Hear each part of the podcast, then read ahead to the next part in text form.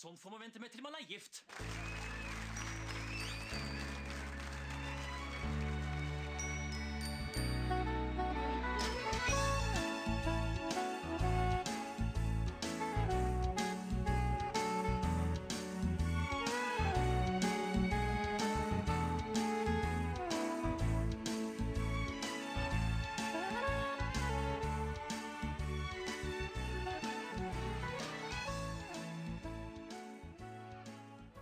Hallo, velkommen til en ny episode av Norsk film filmpodkast. Podkasten hvor vi ser norsk film med et kritisk, men kjærlig blikk. Mitt navn er Emil. Jeg sitter her som alltid med. Stefan heter jeg. Hvilken film er det vi har sett i dag, Stefan?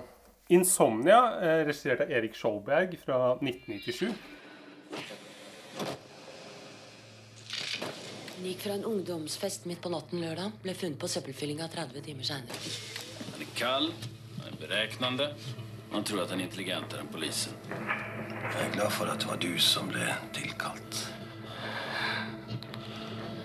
Var det masse blåmerker bestandig. På armene, på halsen, overalt. Tanja har et forhold med en eldre mann. Eldre enn jeg.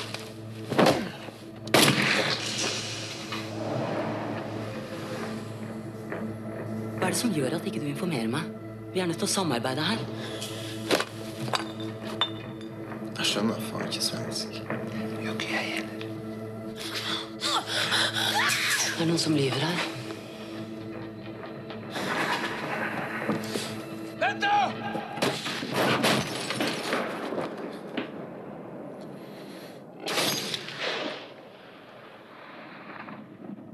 Den som synder. Uh, Insomnia hadde jo premiere på Cannes-festivalen. Det er ikke alle norske filmer som har hatt det opp igjennom. Nei, Det jo kanskje O. Horten, den av Bent Hamer, den store norske filmautøren. Den hadde vel premiere der. Men det var en annen film også som hadde premiere på Cannes norsk film i 1997. Kan du gjette på hvilken film det var? Det er vi har Budbringeren. Budbringeren, Ja, Av ja, ja. En av de beste norske filmene, det også. Hør episoden. Eh, og dette her ga ifølge Wikipedia opphav til begrepet Norwave. At det var en ny bølge i norsk film. Men det ble ganske kortvarig, for det var egentlig bare Insomnia Budbringeren som helt leverte på det. Så det var en ganske sånn kort bølge som slo inn på stranda og egentlig var over før den i det hele tatt hadde begynt. Men Insomnia er jo en av de norske filmene som har fått mest internasjonal oppmerksomhet eh, ellers også. At eh, den var lenge den eneste norske filmen som var med i Criterion Collection.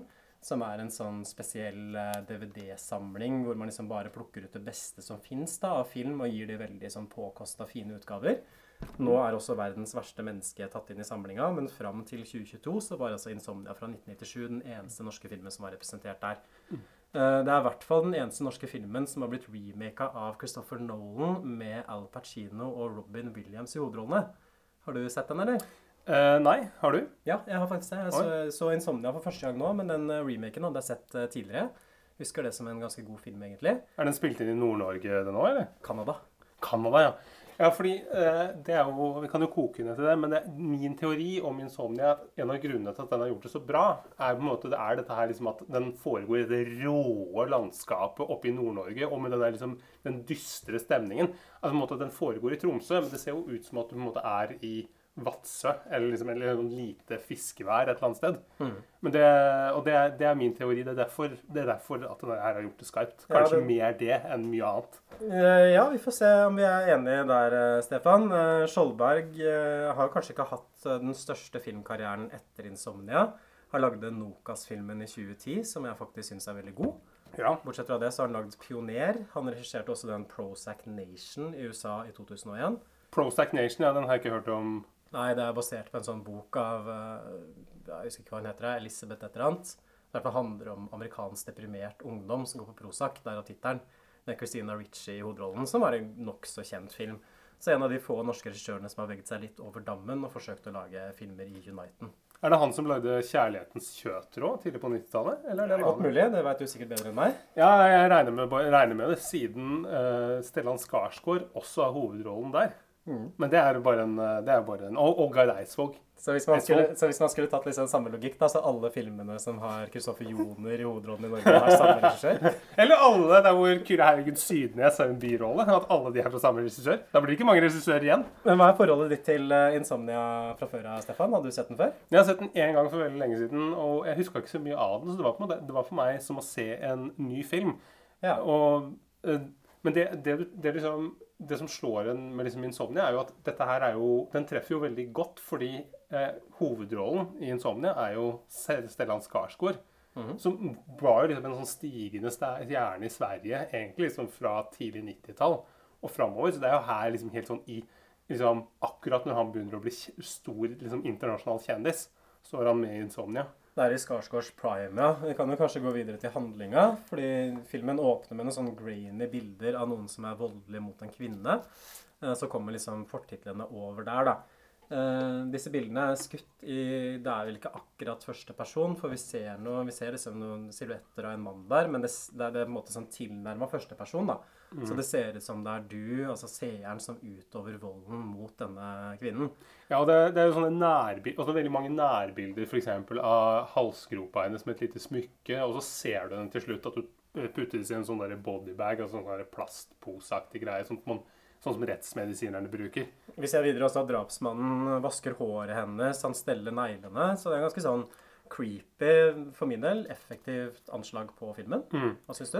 Ja, veldig. Og, og det understrekes av liksom en sånn, eh, en sånn musikk som er litt eh, Hva kan du kalle det? Litt sånn, eh, kanskje litt sånn light-versjon av Nocturne med Secret Garden. på en måte. Litt sånn der, veldig sånn dempa. Kanskje noe som Leif Ove Ansnes kunne laget. Det er faktisk Geir Jensen, eh, alias Biosphere, som har laget musikken her, hvis du har hørt om han. Han er jo sånn og elektronikamusiker. Ah, ja. Så det er litt sånn kjølig elektronikastil, men med noe sånn dissonante, litt ekle elementer inni der. Det funker jo veldig bra for å sette stemningen, fordi sammen med musikken og bildene så blir det en sånn eh, Så blir det en veldig sånn ekkel, litt sånn guffen sånn, Kanskje sånn gold. Gold og guffen stemning, da. Det er en uhyggelig start. Ja. Eh, så begynner på en måte filmen for alvor. da, og Her ser vi Stellan Skarsgård sitte på et fly sammen med Sverre Anker eh, Osdal. Austdal heter han. Austdal, som er hans partner. Kjent som eh, stemmen i Postmann Pat, for dere litt eldre lyttere som har hørt på sett på det. Ja, Stellan Skarsgård er da altså en politimann som er vei, på vei til Nord-Norge for å etterforske drapet på denne kvinnen. Ja. Han har en litt sånn grensesprengende atferd med den døde. fordi på flyet så sitter han liksom og tegner over bildet av henne med en kulepenn. Som kanskje ikke er helt sånn, han bare sitter liksom og kladder på trynet hennes. Og når han kommer på obduksjonsrommet og får liksom sett liket in the flesh, så begynner han også å lukte på håret hennes og er liksom veldig tett. Og vi overhører også en sånn samtale blant noen av de andre nordnorske politifolka som mener at han har en historie med at han involverer seg for mye i saker. ja og, men, men også at vi på en måte vi skjønner at dette her er eh, liksom her, Dette er legenden som kommer da til liksom denne utkanten i nord for på en måte å skal løse saken. Han er en legende. Vi, alle vet hvem han er. K liksom Kongen av Kripos. Mens Sverre Anker Austdal har jo ikke den statusen. Han er mer bare en sånn medhjelper som sitter liksom dvask og sover på flyet. Så det er vel kanskje grunnen til at akkurat Stellan Skarsgård har blitt kobla på den saken her også, gjør med at han er såpass god da, at han tar seg bryet med å komme helt opp til Nord-Norge for å løse denne casen. Og vi blir jo introdusert for noen andre karakterer òg. Det er eh, en sånn en politi... ja, en, en av de store rollene. En politikvinne spilt av Gisken Arman, som også er etterforsker. Det er jo det krøllete håret, ikke sant? Ja, Svart svarte håret. Ja. eh, som, som jeg syns altså, gjør, gjør det skarpt her. Og Gisken Arman er jo liksom, er alltid et sånt godt innslag. Jeg blir alltid glad når jeg ser Gisken Arman på skjermen. For hun, liksom, hun har et sånt karakteristisk utseende og utstråling som gjør henne veldig god. Eh, og det er, flere, det er flere karakterer her. Det er noen nordnorske etterforskere. Det er han der ene fyren som ser ut som han uh, som, han, han kan ikke være noe annet enn nordlending. Han er på en måte sånn styggpen på en måte som bare dere fra Nord-Norge kan være. Og så Til våre nordnorske lyttere, den går ut til dere. Men uh, så er det en, en karakter som jeg stusser litt på. Det er han derre politisjefen. Tror du han Han skal også være nordlending, men det er jo på en måte den dårligste nordnorsken jeg noen gang har hørt. Han kan ha fulgt henne fra festen. Krangel ledet til et slagsmål. Fikk panikk. Jeg tror ikke det er noe slumpmord der. Det er gjennomført med for stor kunnskap. Nei, det kan du ha rett i. Hvilken kunnskap? Sett et sopa igen spåren.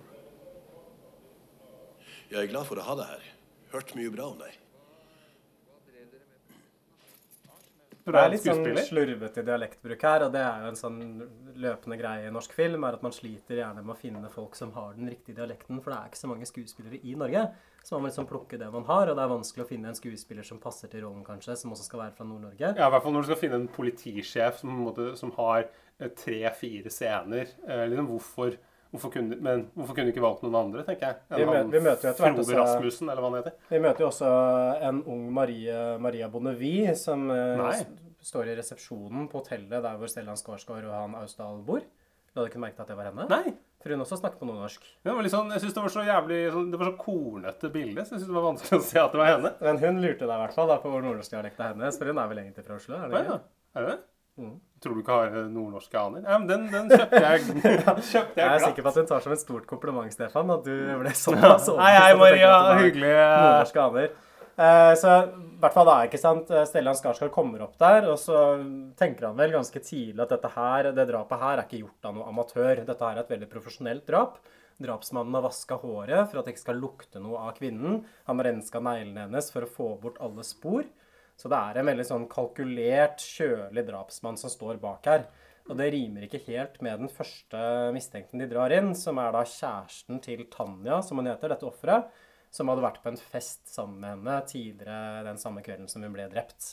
Og Politiet mener da at Tanja hadde et forhold på si, og at kjæresten Eilert, som hun heter, var sjalu på dette forholdet, og at han derfor har et slags sånn motiv for dette drapet. da. Ja, og de, de begrunner det her forholdet med at de finner eh, noen veldig dyre klær i eh, garderobeskapet til Tanja. Eh, jakker for over 6000 kroner, og minst liksom 20 plagg.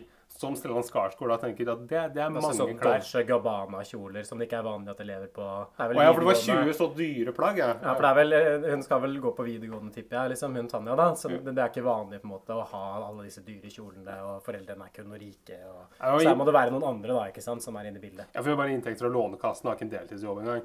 Uh, og um, det vi det, ja, vi blir jo også på en måte, vi blir jo presentert litt mer for de andre karakterene, fordi han derre eh, Han, han, han um, hva er det, Sverre Anker Austdal, jeg husker ikke hva han heter, Erik. Han gjør en sånn tilnærmelse til hun resepsjonisten i, på hotellet der. At han er veldig sånn Til Maria Bonnevie. ja, veldig på. Uh, hvor, han sier, hvor liksom de begynner å snakke om politiarbeid, og så spør hun resepsjonisten og sånn uh, Ja, du jobber i Kripos, ja, da ser du mye rart. Så sier han at Ja, men jeg ser mye fint også.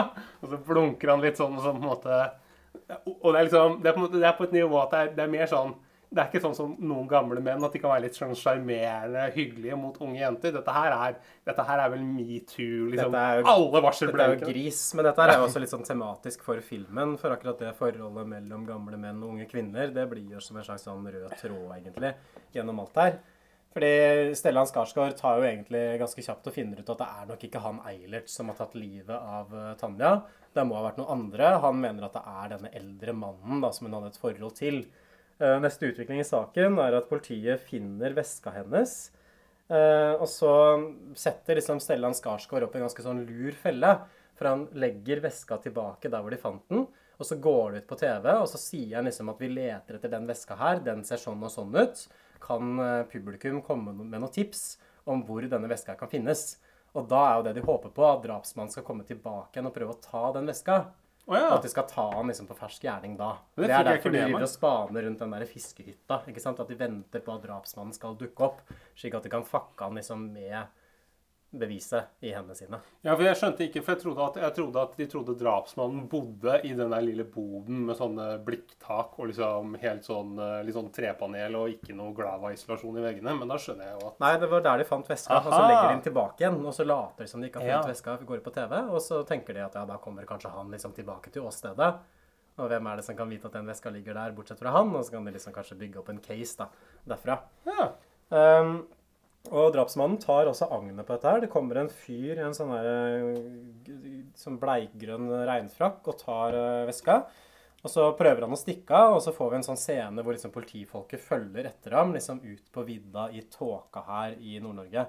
Det kan jo kanskje si litt om uh, filmens stil, for jeg synes sånn stilistisk sett så syns jeg den filmen her er veldig, veldig god. Uh, den har utrolig gode utsnitt, utrolig bra kamerabevegelser. At den veksler mellom litt mer sånn derre prosaiske rett på sak-bilder, og så noen utsnitt og komposisjoner som er veldig slående. Eh, den har også en sånn kjølig, blå minimalisme over seg. Jeg er spesielt imponert over at de har fått til en ganske sånn god match mellom fargepaletten og øynene til Stellan Skarsgård. At øynene til Stellan Skarsgård har liksom sånn, de er litt sånn isblå, og det matcher veldig godt med den bakgrunnen da, som han gjerne står opp mot. Ja, og, det, og den litt sånn kornete liksom, uh, filminga. med- Det er alltid, det er alltid uh, Været er liksom alltid dystert og grått. og det er liksom Mm. alltid Men likevel så får man liksom uh, Så får Altså så, så, så greier man liksom Vi ser hva som skjer, og vi skjønner, skjønner greia. Ja, det, er, det er en sånn klassisk europeisk minimalisme, og for meg så var det nesten litt sånn rart at det var en norsk film, fordi jeg syns at det holdt et såpass høyt stilistisk nivå. Jeg tror nok at det er den best regisserte filmen vi har sett så langt i podkasten, i hvert fall for min del, bare sånn rent bildemessig. Ja, jeg, jeg, sånn, jeg, jeg mener i hvert fall at sånn kamera, kameramessig så er det det beste vi noen gang har sett. Og det, det gjelder jo ikke minst også for den scenen liksom, hvor Stellan Skarsgård følger etter den drapsmannen. For da går liksom Skarsgård først inn i den der gamle fiskehytta, og så ned en sånn veldig tåkete tunnel. Hvor de har brukt lyset på en veldig god måte, for det blir en sånn tjukk tåke som disse personene på en måte liksom kom, siver inn og ut av. Det er veldig vanskelig å se hva som egentlig skjer. Det er vanskelig å se landskapet. Hva er det som er en skygge? Hva er det som er en person? Hva er det som er noe helt annet? Og det lager en veldig sånn klaustrofobisk stemning. Selv om det da er et helt sånn åpent havlandskap man faktisk sitter og ser på. Ja, for det, du føler, som du sa i stad, du føler jo at du er oppå vidda, men det er du ikke. Eh, og det blir jo Plutselig så begynner liksom, denne, den som, han som de jak, jak, jager etter, å skyte. Og Stellan Skarsgård tenker jo at nå må jeg dra fram eh, revolveren min og begynne å skyte. Ja. Og så skyter han mot en eller annen skikkelse. Og hvem er den skikkelsen som faller om i bekken? Det er selvfølgelig partner fra Oslo, altså Sverre Anker eh, Austdal. Gamle grisen som sjekket opp resepsjonisten. Ja. Og Så her, her, her etableres jo på en måte filmens hovedintrige. ikke sant? Fordi Stellan Skarsgård velger da å ikke fortelle de andre politifolka at det var han som skjøt. Istedenfor så legger han skylda over på drapsmannen, og så ljuger han liksom. Og sier, at han bare kom da det var for seint. Ja, og han, eh, han går jo ganske han, det, han gjør mer enn det, for han, han eh, manipulerer bevisene også. Han, eh, han legger en, liksom, en kule For han måtte gå inn i bevisskuffen hvor de, hvor de finner hans ammunisjon, eller den kula som ligger i han der Bjørn, og bytter den ut med en kula fra et annet våpen, så at mistanken skal ledes over på noe andre enn Stellan Skarsgård. For det, det tenkte jeg litt på. Det er sånn uklart for meg hvorfor velger Stellan Skarsgård å lyve der. For det føler jeg kunne blitt etablert litt bedre. For det var jo et ærlig uhell, og sånne ting kan jo skje. Han hadde jo kanskje fått en sånn reprimande, sånn liten suspensjon. Men jeg tenker at det er mye større risiko tilknytta det å aktivt lyve for kollegaene sine, begynne å tukle med bevisene. Så hvorfor, hva tenkte du om det? Syns du det på en måte var etablert godt nok? Det at han valgte å gå så langt, da? Jeg tenker at det, det oppsummeres i starten der med at han, er så, liksom at han er kjent for at han går for mye inn i jobben sin og legger for mye følelser i jobben. At for denne mannen her, som, som for veldig mange andre politietterforskere på film og TV, så er jobben er selve livet. Ja, jeg tenker, men jeg tenker likevel da, liksom Man kunne hatt med en eller annen scene eller et eller annet sånt som gjorde at man trodde litt mer på det. For jeg ble litt sånn Hm, ja, han gjør det, ja. Hvorfor sier han ikke noe? Så det tok meg litt ut av filmen. Skal jeg egentlig. komme på Jeg har en veldig god scene. Det, som vi kan, det kunne begynt med at uh, Stellan Skarsgård eksempel, at han, eh, at han sitter hjemme uh, i leiligheten sin, uh, drikker whisky rett fra flaska, og så er det, det er jul. ingen, han sitter der aleine. ingen ringer. Han venter på at sønnen skal ringe. Sønnen ringer ikke. Eh, og så får vi vite at han, måtte, han har vært fraskilt i mange år. Han måtte ha ikke noe liv.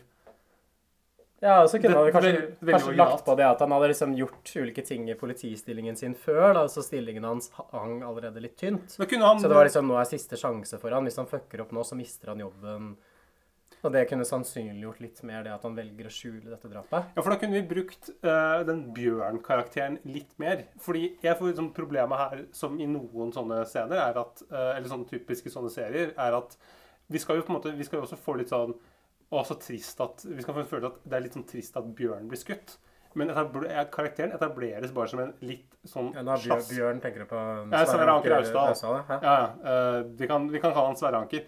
At han skal være en litt sånn sympatisk fyr. Men det får jo ikke noe, han er jo bare en gammel gris som Ja, Det kunne ha gjort litt mer. Jeg syns filmen har et veldig effektivt anslag og er ganske sånn økonomisk historiefortellingen, men, som jeg liker godt. Mm. Men akkurat her så tenker man kunne gjort bitte litt mer, da. Ja, og det tenker jeg det er eh, For dere norsk filmkjennere der ute, så er dette det jeg kaller eh, i mine avhandlinger da, kaller kodenavn Hunter-syndromet. Hvis dere har sett Kona Hunter, så har dere sett den første de første to minuttene av den første eh, sesongen, hvor, eh, hvor Sverre Anker Nei, hvor Mats Austdal, sønnen til Sverre Anker Austdal, spiller politimann og tar farvel med broren sin. Og så to minutter etterpå så dør broren.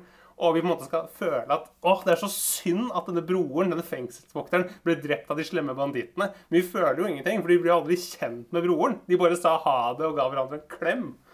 Så det er samme poenget her. Gjør litt mer ut av det, tenker jeg. Det er råd til Eirik Skjoldbjerg. Etablering er viktig. Ja, Eh, man må det. Men nå begynner også filmens tittel å gjøre seg gjeldende. Altså, filmen heter jo 'Insomnia', som er vel eh, latinske ordet for eh, søvnløshet. Eh, og jeg regner med at dette kanskje er basiskunnskap blant lytterne, men vi har jo sikkert en del sånn Oslo-boere også som aldri har vært nord for eh, Eidsvoll. Så når man kommer langt nok nord i Norge, så slutter på en måte den vanlige dagssyklusen å funke helt. Fordi for istedenfor sånn der på sommeren så er det bare dag hele tiden, så det er bare lyst. Og om vinteren så er det bare natt hele tiden. Og Det er derfor, derfor uh, Longyearbyen heter Longyearbyen på Svalbard. er for at det er sånn lange år, da. Ikke sant? At Ja, dagen er som et år, ja. Long year. Long year, ja.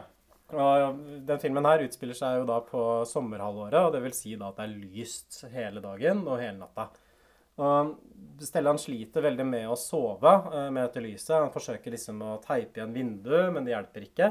Så han blir rett og slett søvnløs, og det begynner å prege han mer og mer utover. Ja, han blir jo mer og mer ekstrem. for Han begynner liksom bare med å dra for gardinene, og så finner han at det ikke holder. Så eh, teiper han for et laken, og til slutt så begynner han vel både å legge for liksom sånn derre Henger opp et sånt sengeteppe over som han teiper, og stifter på, ligger med dobbel øyemaske og allting. Men ligger der svett og får ikke sove. For lyset trenger seg liksom alltid inn. Og det skjer noe med lyssettingen i filmen også, for nå begynner de å drive med litt sånn der overeksponering av bildet, som gjør at hvitfargene blir skikkelig sånn skarpe og ubehagelige. Og jeg er ganske sånn lyssky, egentlig. At jeg er ikke noe glad i sterkt lys. Så jeg kjente meg igjen i akkurat det der. Nei, det er jo sånn Hvis jeg og Emil møtes, så sitter han alltid inne liksom, i den mørkeste liksom, inne, inne på restauranten. Så er det liksom inni liksom, en lille i kroken med solbriller og caps og så en hatt oppå der igjen. Som skjermer mest mulig. Men det er jo for at folk ikke skal kjenne deg igjen, siden du driver Norges mest populære populære Ja, to funksjoner. Eh, Men men jeg synes det er et sånt kult grep, da, fordi ofte så forsøker jo film å lage ubehagelig stemning ved å gjøre ting veldig mørkt og dunkelt. ikke sant? At man søker inn i skyggene. Sånn som 'Naboer' for eksempel, er en veldig dunkel film hvor man liksom skaper den spenninga av at man ikke ser ting fordi at det er mørkt. Mens her er det omvendt. Her er det på en måte det lyse. Ikke sant? Det er det blendende lyset at det blir et sånn kilde til ubehag og, hos seeren. Og det syns jeg er ganske sånn originalt og ganske kult. Og en annen ting som er litt fett også, er at nå blir det jo liksom to etterforskninger som går parallelt der. For det på den ene siden så har du etterforskningen av drapet på Jun Tanja, hvor Stellan Skarsgård er etterforsker. Og så har du også det drapet på han eh, Sverre Anker, hvor Stellan Skarsgård på en måte er etterforsket. Så han blir liksom pressa fra to hold samtidig. Og det, det, det samler seg jo også veldig fint i denne drapsmannen, fordi drapsmannen veit jo da at det ikke var han som drepte Sverre Anker, at det må ha vært noen andre som skjøt. Mm. Så han får da også en makt som han kan bruke over eh, Stellan Skarsgård når de to omsider møtes. Ja, eh, og, og vi, det, nå skjer det litt sånn forskjellige scener hvor, uh, hvor han, um, Stellan Skarsgård, som alle sånne type politimenn, så er han en ensom ulv som liker å jobbe alene, og som ikke gir beskjed til kollegene sine. Aka uh, Varg Veum, uh, Johan Falk, Gunvald Larsson altså Jeg på en måte bare kan nevne liksom, Dette er jo på en måte klisjeenes mor innafor Skulle gjerne likt å sitte det motsatte. Sånn er en sånn politimann hvor problemet var at du deler for mye. Han sier for mye. mye. Han er en genial etterforsker, men han deler for mye underveis. Det blir for mye informasjon. Han går på detaljnivå. Han har liksom timeslange møter. Han sitter i møte på møte for å informere ledergrupper og alt mulig rart. han er for opptatt av å følge boka. Men det er problemet at han ville jo sannsynligvis ikke gjort det så skarpt. Og da ville jo film, filmen tatt et år. Det tatt et år før de eh, fant eh, morderen. Og det gjør du ikke, for dette her er jo veldig effektivt. Så vi, får en del greier som han driver etterforsker. Da. Det, er, det er liksom to ting som preger hans opphold i Nord-Norge, føler jeg. Altså Stellan Skarsgård. Det første er at det er veldig få som forstår hva han sier, for han er svensk. Ja, Det er vanskelig å skjønne. Det, han må, som han forklarer da, når han sier eh, flik, 'flikkvenn', som han, som han jenta sier kjæreste. Mm. At måte, de skjønner ikke Så enkle ting skjønner de ikke oppi, i, i Nord-Norge der, altså. Og det andre er også det at han har veldig drag på alle damene han møter. Og det, begge deler ser vi i en scene hvor han finner en klassekamerat av Tanja som han tar med ut på en kjøretur. For å, de- han liksom skal dra med henne ut til åstedet og prøve å få noe informasjon ut av henne. Og der snakker vi jo liksom jente på jeg vet ikke, 16. 16 år, ja. ja. Rundt der. Sånn tidlig videregående. Og det Stellan Skarsgård gjør da, at han begynner å beføle henne i skrittet mens de kjører. At han liksom først legger hånda si på kneet hennes, og så gradvis oppover, eh, oppover låret. Man kjenner greia, og så til slutt da liksom inn under skjørtet og kanskje oppi trusa der. Ikke første gang jeg treffer en svenske. Tanjas pojkvän du pratade med förut. Hvorfor spør du når du vet? Ska du med på en tur? Tur med deg? Inte?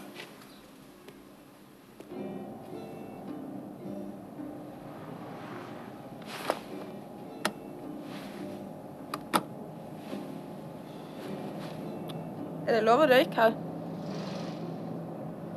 Nei. Vis meg noe kult, da. Något kult. Noe kult. Nei, jeg vet ikke hva som er kult lenger. Men det er ganske sånn uklart om dette her skjer på ekte, eller om det bare er hans fantasi.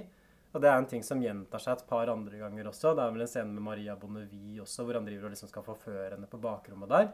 Og igjen så blir det veldig uklart sånn hvor mye av dette her er som faktisk skjer. Eller er det noe han hallusinerer eller ønsker seg fordi at han liksom er i den der søvnløse, fucka tilstanden. da. Ja, men jeg tror det skjer fordi alle disse her er jo de, Etter at eh, de har vært i kontakt med Stellan Skarsgård, så er de jo veldig lite interessert i å ha noe med han å gjøre. Han måtte ha en sånn fiendtlig innstilling til han. Så at han har gjort et eller annet som de syns er ugreit, er jo helt åpenbart. Eh, Men, men det starter som samtykke. ikke sant? Det er et eller annet liksom med den der dynamikken mellom gammel mann og ung kvinne. Han tror liksom at det er det er gjensidig på starten, og så går han for langt, og så ender de liksom opp med å reagere veldig negativt. Mens hans måte, oppfatning av situasjonen innledningsvis er jo gal, da. snakker vi om eh, en person nei, kanskje, det, liksom, det har kanskje litt med en personlig norsk, offentlighet som Jeg trenger ikke å nevne navn, men Ja. måte, det, han, navnet det begynner vel på, på G og slutter på Iske. Altså, Christian Tonning trenger ikke å si noe mer enn det, kanskje. Nei. Men etternavnet heter, begynner på R og slutter på Isa. Men det er jo litt sånn metoo-problematikk da, som filmen på et eller annet vis tar opp, og så viser liksom hvordan eh, gamle menn eh, kanskje overvurderer sine egne sjekkeferdigheter, og da feiltolker situasjoner, og da blir det fort veldig, veldig ubehagelig. Ja, og det vi, det vi også kan si litt om, er, er jo den avhørsteknikken til Stellan Skarsgård. Eh, Det hadde jo ikke gått i dag i politiet liksom, med menneskerettigheter og allting. Fordi hans måte å, liksom, å konfrontere vitner på er bare å enten liksom å banke huet deres inn i en betongvegg, eller stå og skrike til dem og liksom si at du, du gjorde det, du vet mer! Røske folk, ja. Ja, og, og liksom og slår, eller dytter det ned i bakken. Og, så han er en sånn jævla voldsom type. Hva, hva tenker du på en måte om Stellan Skarsgårds framtoning mer sånn generelt? Altså, Hvordan ville du beskrevet han som karakter? Jeg syns jo alltid han spiller samme karakter. Nei, jeg, jeg mener i den filmen oh, ja. her, da. I den filmen der? Altså, rollen Stellan Skarsgård. Jeg husker ikke hva navnet på På Var det Bjørn, eller? Nei, jeg vet ikke. Nei, det har ikke noe å si. Erik Vi- vi Jonas. Jonas vi- vi heter han. kaller vi kaller han for Stella. Jonas heter han.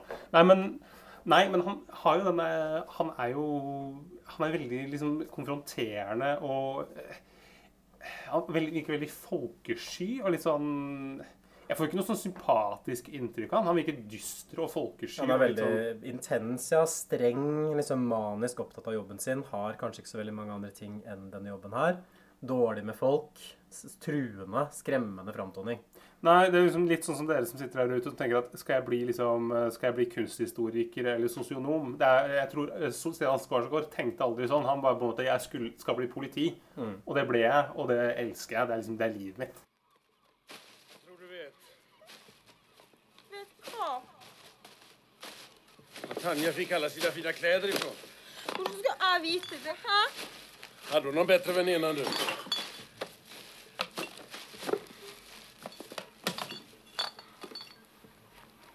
Her, forstår du. Her hittar de henne. I en sopsäck.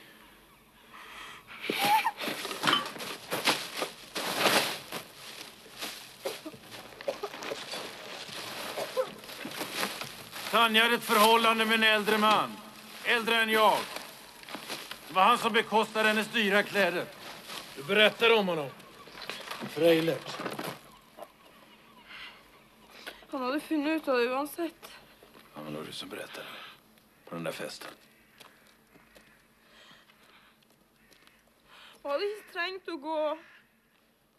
Det var hennes egen feil.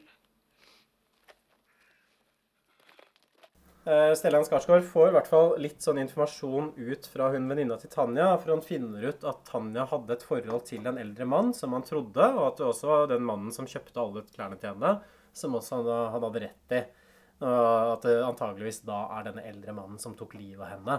Eh, Han får også navnet på denne gamle mannen. Han heter Jon Holt og er kriminalforfatter. Uh, neste som skjer, er at han drar til leiligheten til denne Holt og dirker opp låsen. Og så der inne er det helt sånn blendende hvitt. ikke sant? Du har på en måte helt hvite vegger. Du har sola som trenger seg gjennom noen persienner. De også er hvite. Og vi ser også et bilde av Holt, og så ser vi at han er spilt av Bjørn Floberg. Så det er vel tidenes spoiler, for da må han jo være skyldig. Case closed. Ja, det blir og vi blir jo alltid glad når vi ser Bjørn Floberg i en film. Og så blir det en sånn dynamikk mellom dem. At Holt ringer liksom til Stellan, truer ham med å holde politiet unna. Uh, Stellan Skarsgård klarer å oppsøke han, blir faktisk påkjørt på veien. Men liksom omsider så møtes de da i en sånn gondol som skal opp på fjellet, liksom, over Tromsø der. Og vi får en veldig sånn intens scene mellom dem. Uh, Holt avslører det at han så Stellan Skarsgård skyte kompisen sin.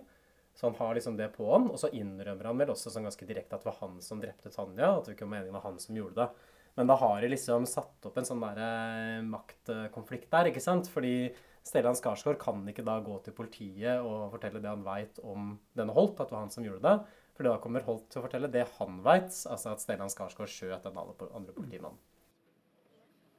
Takk for telefonsamtalet. Kjenner vi hverandre? Nei. Eller kjenner noen som du har kjent. Jeg kjenner veldig få.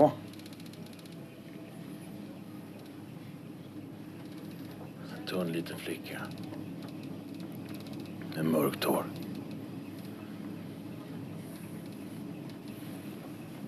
Jeg tror ikke det.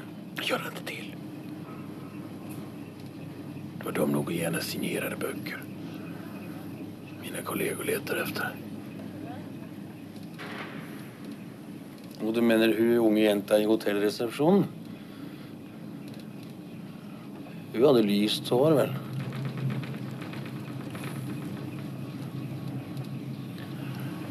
Det är så klokt å komme til hotellet. Jeg trengte litt støtte. Men du er jo aldri hjemme om natta, sa hun. Hun har ikke med det här gjøre. göra. Nei, men hun er veldig søt. Liker deg og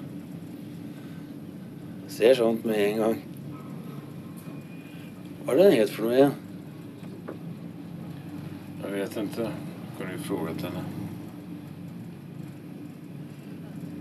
Det er fint på TV, du. Det er jævlig rart, det der. Jeg har alltid hatt sånn respekt for yrkesgruppa di. Det sitter i fra barndommen, tenker jeg.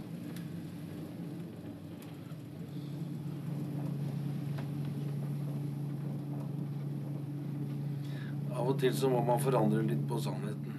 Jeg skjønner sånt. En forfatter skjønner sånt. Og nå begynner jo Stellan Skarsgård å gå ganske langt i, liksom, i sin eh, visjon, misjon om å på en måte, og da forfalske bevis. fordi det han gjør nå, er at han, han finner den her eh, pistolen som han eh, som, hvor han, pla- hvor han ja, I hvert fall en pistol, da. Og den, den planter han hos denne liksom, unge kjæresten til Tanja. Legger- Eilert. Han legger den, han teiper den fast under senga hans. Eh, Så nå er det jo ikke noe tvil. Liksom, hvis politiet begynner å lete der og finner den, så er jo, sitter Eilert i klister, og han kommer til å bli dømt for det her eh, mordet. Han blir vel mer, mer, mer eller mindre enig med Holt om at de sammen skal på en måte frame Eilert for dette drapet. Og at han på en måte skal ta støyten for dem begge, og så kan de bare gå hver sin vei etterpå. Og det er en ganske ekkel scene her også, hvor Stellan Skarsgård drar for å plante denne pistolen, fordi Eilert kommer hjem med hun Tanja, den samme da, unge jenta som eh, Stellan dro med seg tidligere i filmen. Og så ender han opp med å stå bak døra, og de har sex på senga. Og Stellan Skarsgård ser basically helt sånn klin kokos ut mens han står og ser på dette greiene her. Han er liksom, Øynene er vidt oppsperra, han svetter, han er bleik, gusten. Han ser virkelig ikke ut uh, som en frisk mann. Nei, han syns det er fascinerende å se på dette liksom unge paret som uh, ligger og koser seg i senga der.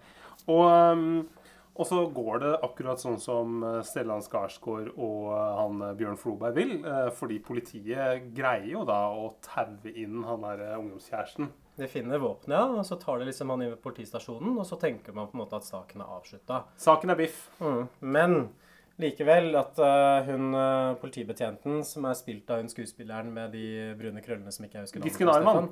Gisken Arman. Vi kan bare kalle henne Gisken.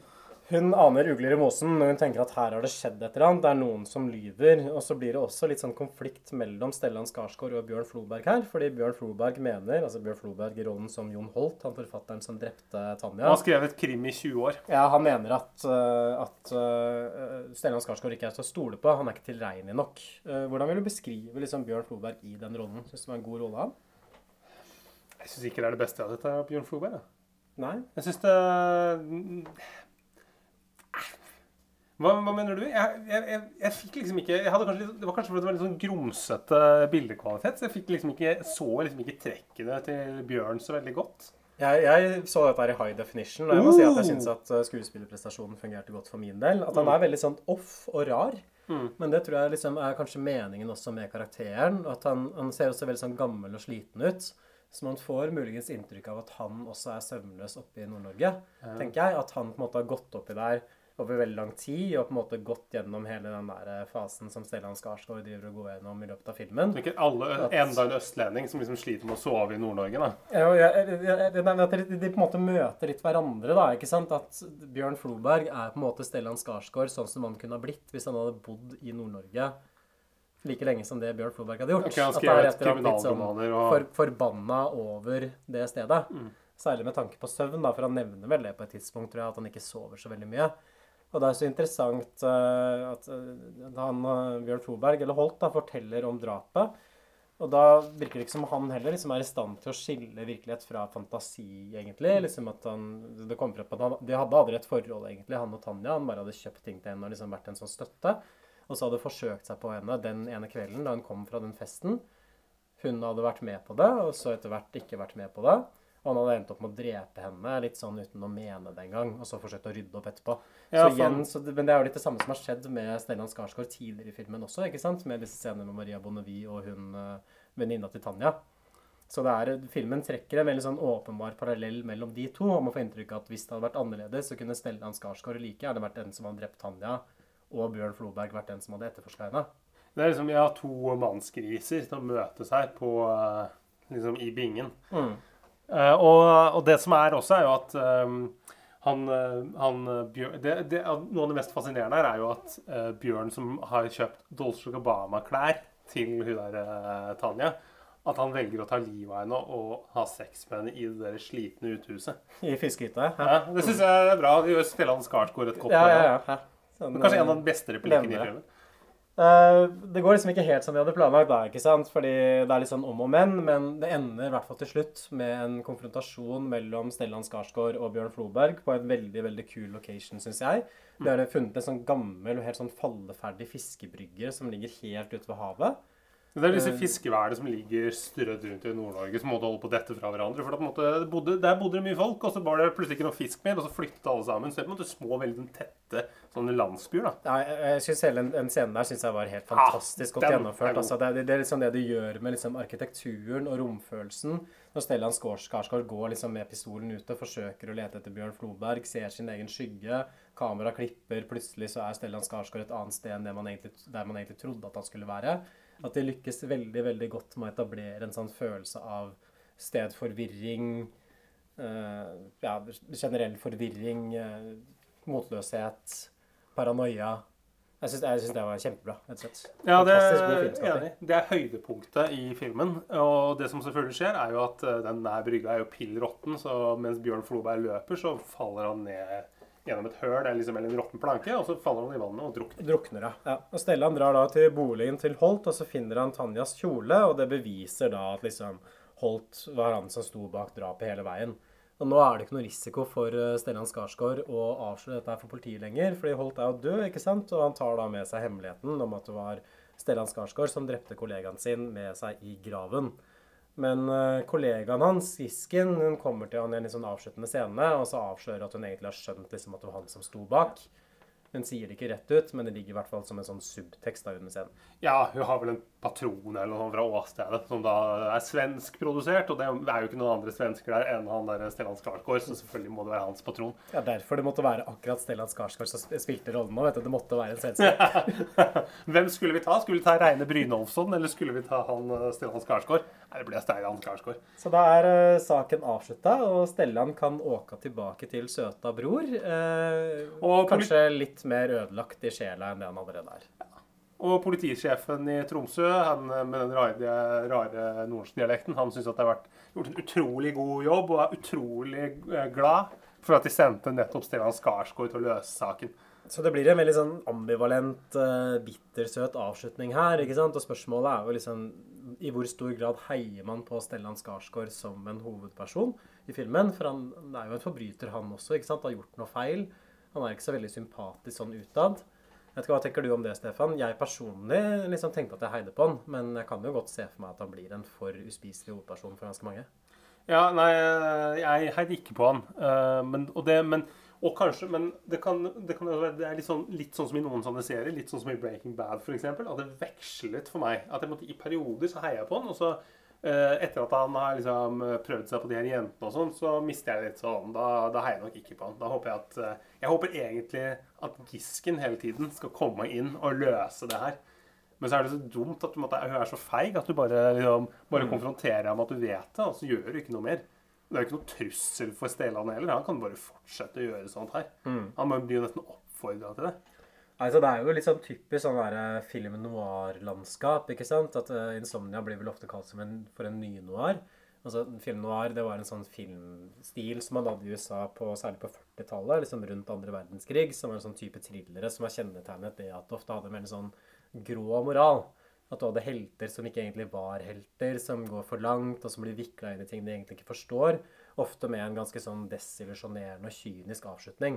Det blir ikke noe happy ending, liksom. Det blir liksom at helten klarer seg, men han går videre som et dårligere og mer desillusjonert menneske enn der han starta filmen. Som man tenker kanskje var en sånn gjenspeiling av trauma rundt andre verdenskrig.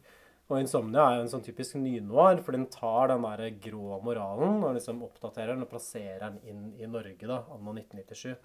Eh, For min del så fungerte det egentlig veldig veldig godt. Jeg vet ikke hva som var ditt eh, inntrykk jeg, Stefan, av filmen? Jeg synes det, det, som, det som funker best her, er, eh, det location og filminga er, er det beste vi har sett til nå i vår podkast. Jeg tror det er noe av det beste jeg har sett i norsk film nesten noensinne. Og så og så er det også, altså, også den, um, det her med at du den, den gir litt motstand. Det er ikke en sånn derre eh, Sånn som det ofte er i norske filmer, at det er en sånn en helt som Eller mennesker som ofte er liksom, nesten bare er liksom gode. Mm. Er 100% gode. Han her er jo ikke Han er jo ikke noen sympatisk fyr.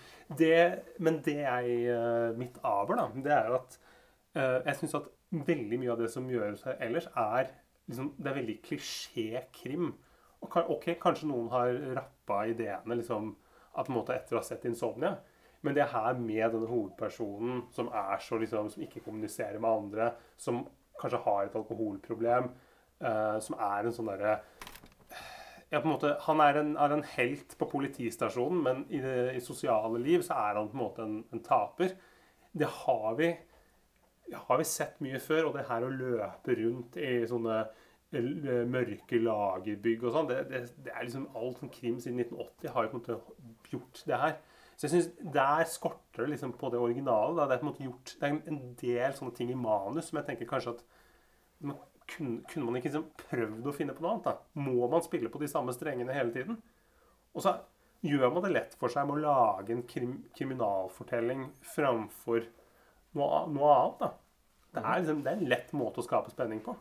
Ja, den innvendinga kan jeg jo for seg se. Altså, Jeg vil jo si at det har et ganske sånn originalt premiss med dette her med at Stellan Skarsgård både på en måte er etterforska og skyldig sjøl. At det er jo en litt sånn ny greie. Og så er det insomnia Tror du ikke- søvnløshetspoenget. Men tror du ikke i de 285 episodene av Derek at det er én Helt, helt sikkert, ja. Men, men det ligger jo et eller annet i sjangerfilm også, sånn som jeg leser filmen. da, at Det, liksom, det er jo en veldig typisk sjangerfilm av veldig mange av de tradisjonelle elementene som du nevner.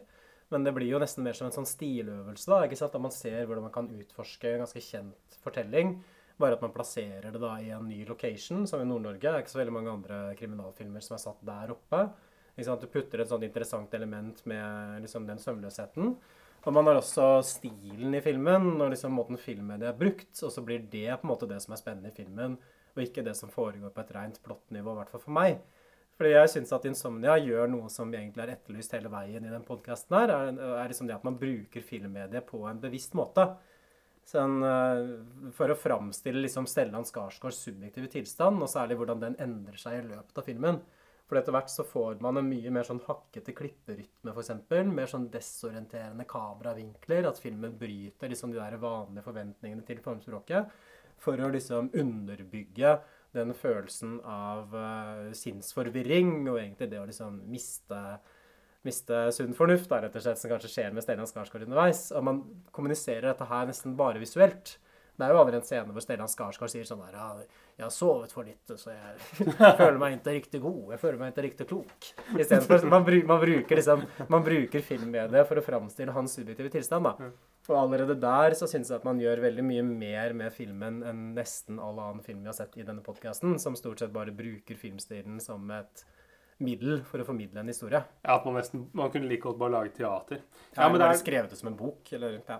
Ja, men jeg er enig. Det er det, er det derre det er det er, helt, det er, helt, tydelig. Det skjer en endring. Det er mer vinglete kamera. Det er, liksom, det er mye tettere klipping. Det er liksom det her lyset. Man bruker til og med lys veldig bevisst. Mm. Det synes jeg det er også sjelden i, i norsk setting. Og også klippinga òg. Ja. At klippen også blir brukt. Men klippen synes jeg, det ser du innimellom, og kanskje spesielt i den 90-tallsepoken. Men den, den, måten å bruke lys på med sånn, på så store variasjoner fordi i, i norsk film syns jeg ofte lyssetting er bare sånn Vi må få noen rene, fine bilder her. Må ha ordentlig lys. Publikum må kunne se hva som skjer. Ja! Sett lyset på fjeset til fyren. Så det er, det, er, det er, første gang Jeg tror faktisk det er første gang jeg har sett noen gang i norsk film at det er brukt så, lyssetting. Er ja, at man, man, tør å bruke lys som kanskje ikke viser alt så veldig tydelig. Da, eller man har liksom en, en, en, kamerakomposisjon som ikke bare handler om å vise, liksom formidle visuell mm. informasjon, men hvor også liksom måten bildet er satt opp på det blir en del av den visuelle informasjonen som skal formidles. Ja, her er det en lyskunstner som har vært ute. Mm. Og en filmkunstner, vil jeg ja. si. Så jeg vet ikke, hva Skal vi runde av, eller hva føler du, Stefan? Har du med på hjertet? Jeg er, er Tom, og um, jeg kan, jeg kan, jo starte med hva jeg uh, mener. Gi terningkastet, du. Jeg gir eh, terningkast basert på at jeg, jeg syns det filmatiske er fantastisk. Og det er tross alt film vi skal vurdere. Jeg syns eh, historien og manuset til Nicolai Fobrenius er litt tynt. Jeg, måte, jeg, jeg, savner at han måte, kunne litt, vært litt mer kreativ når det kommer liksom, til å skildre hovedpersonen og sånn. Og på en måte ikke brukt alle disse klisjeene fra liksom, krimsjangeren. Så jeg gir en svak feder. Ok, Jeg gir nok en sterk femmer. Altså Første halvtimen så tenkte jeg kanskje at her, shit, her, dette her må jo være den beste filmen så langt.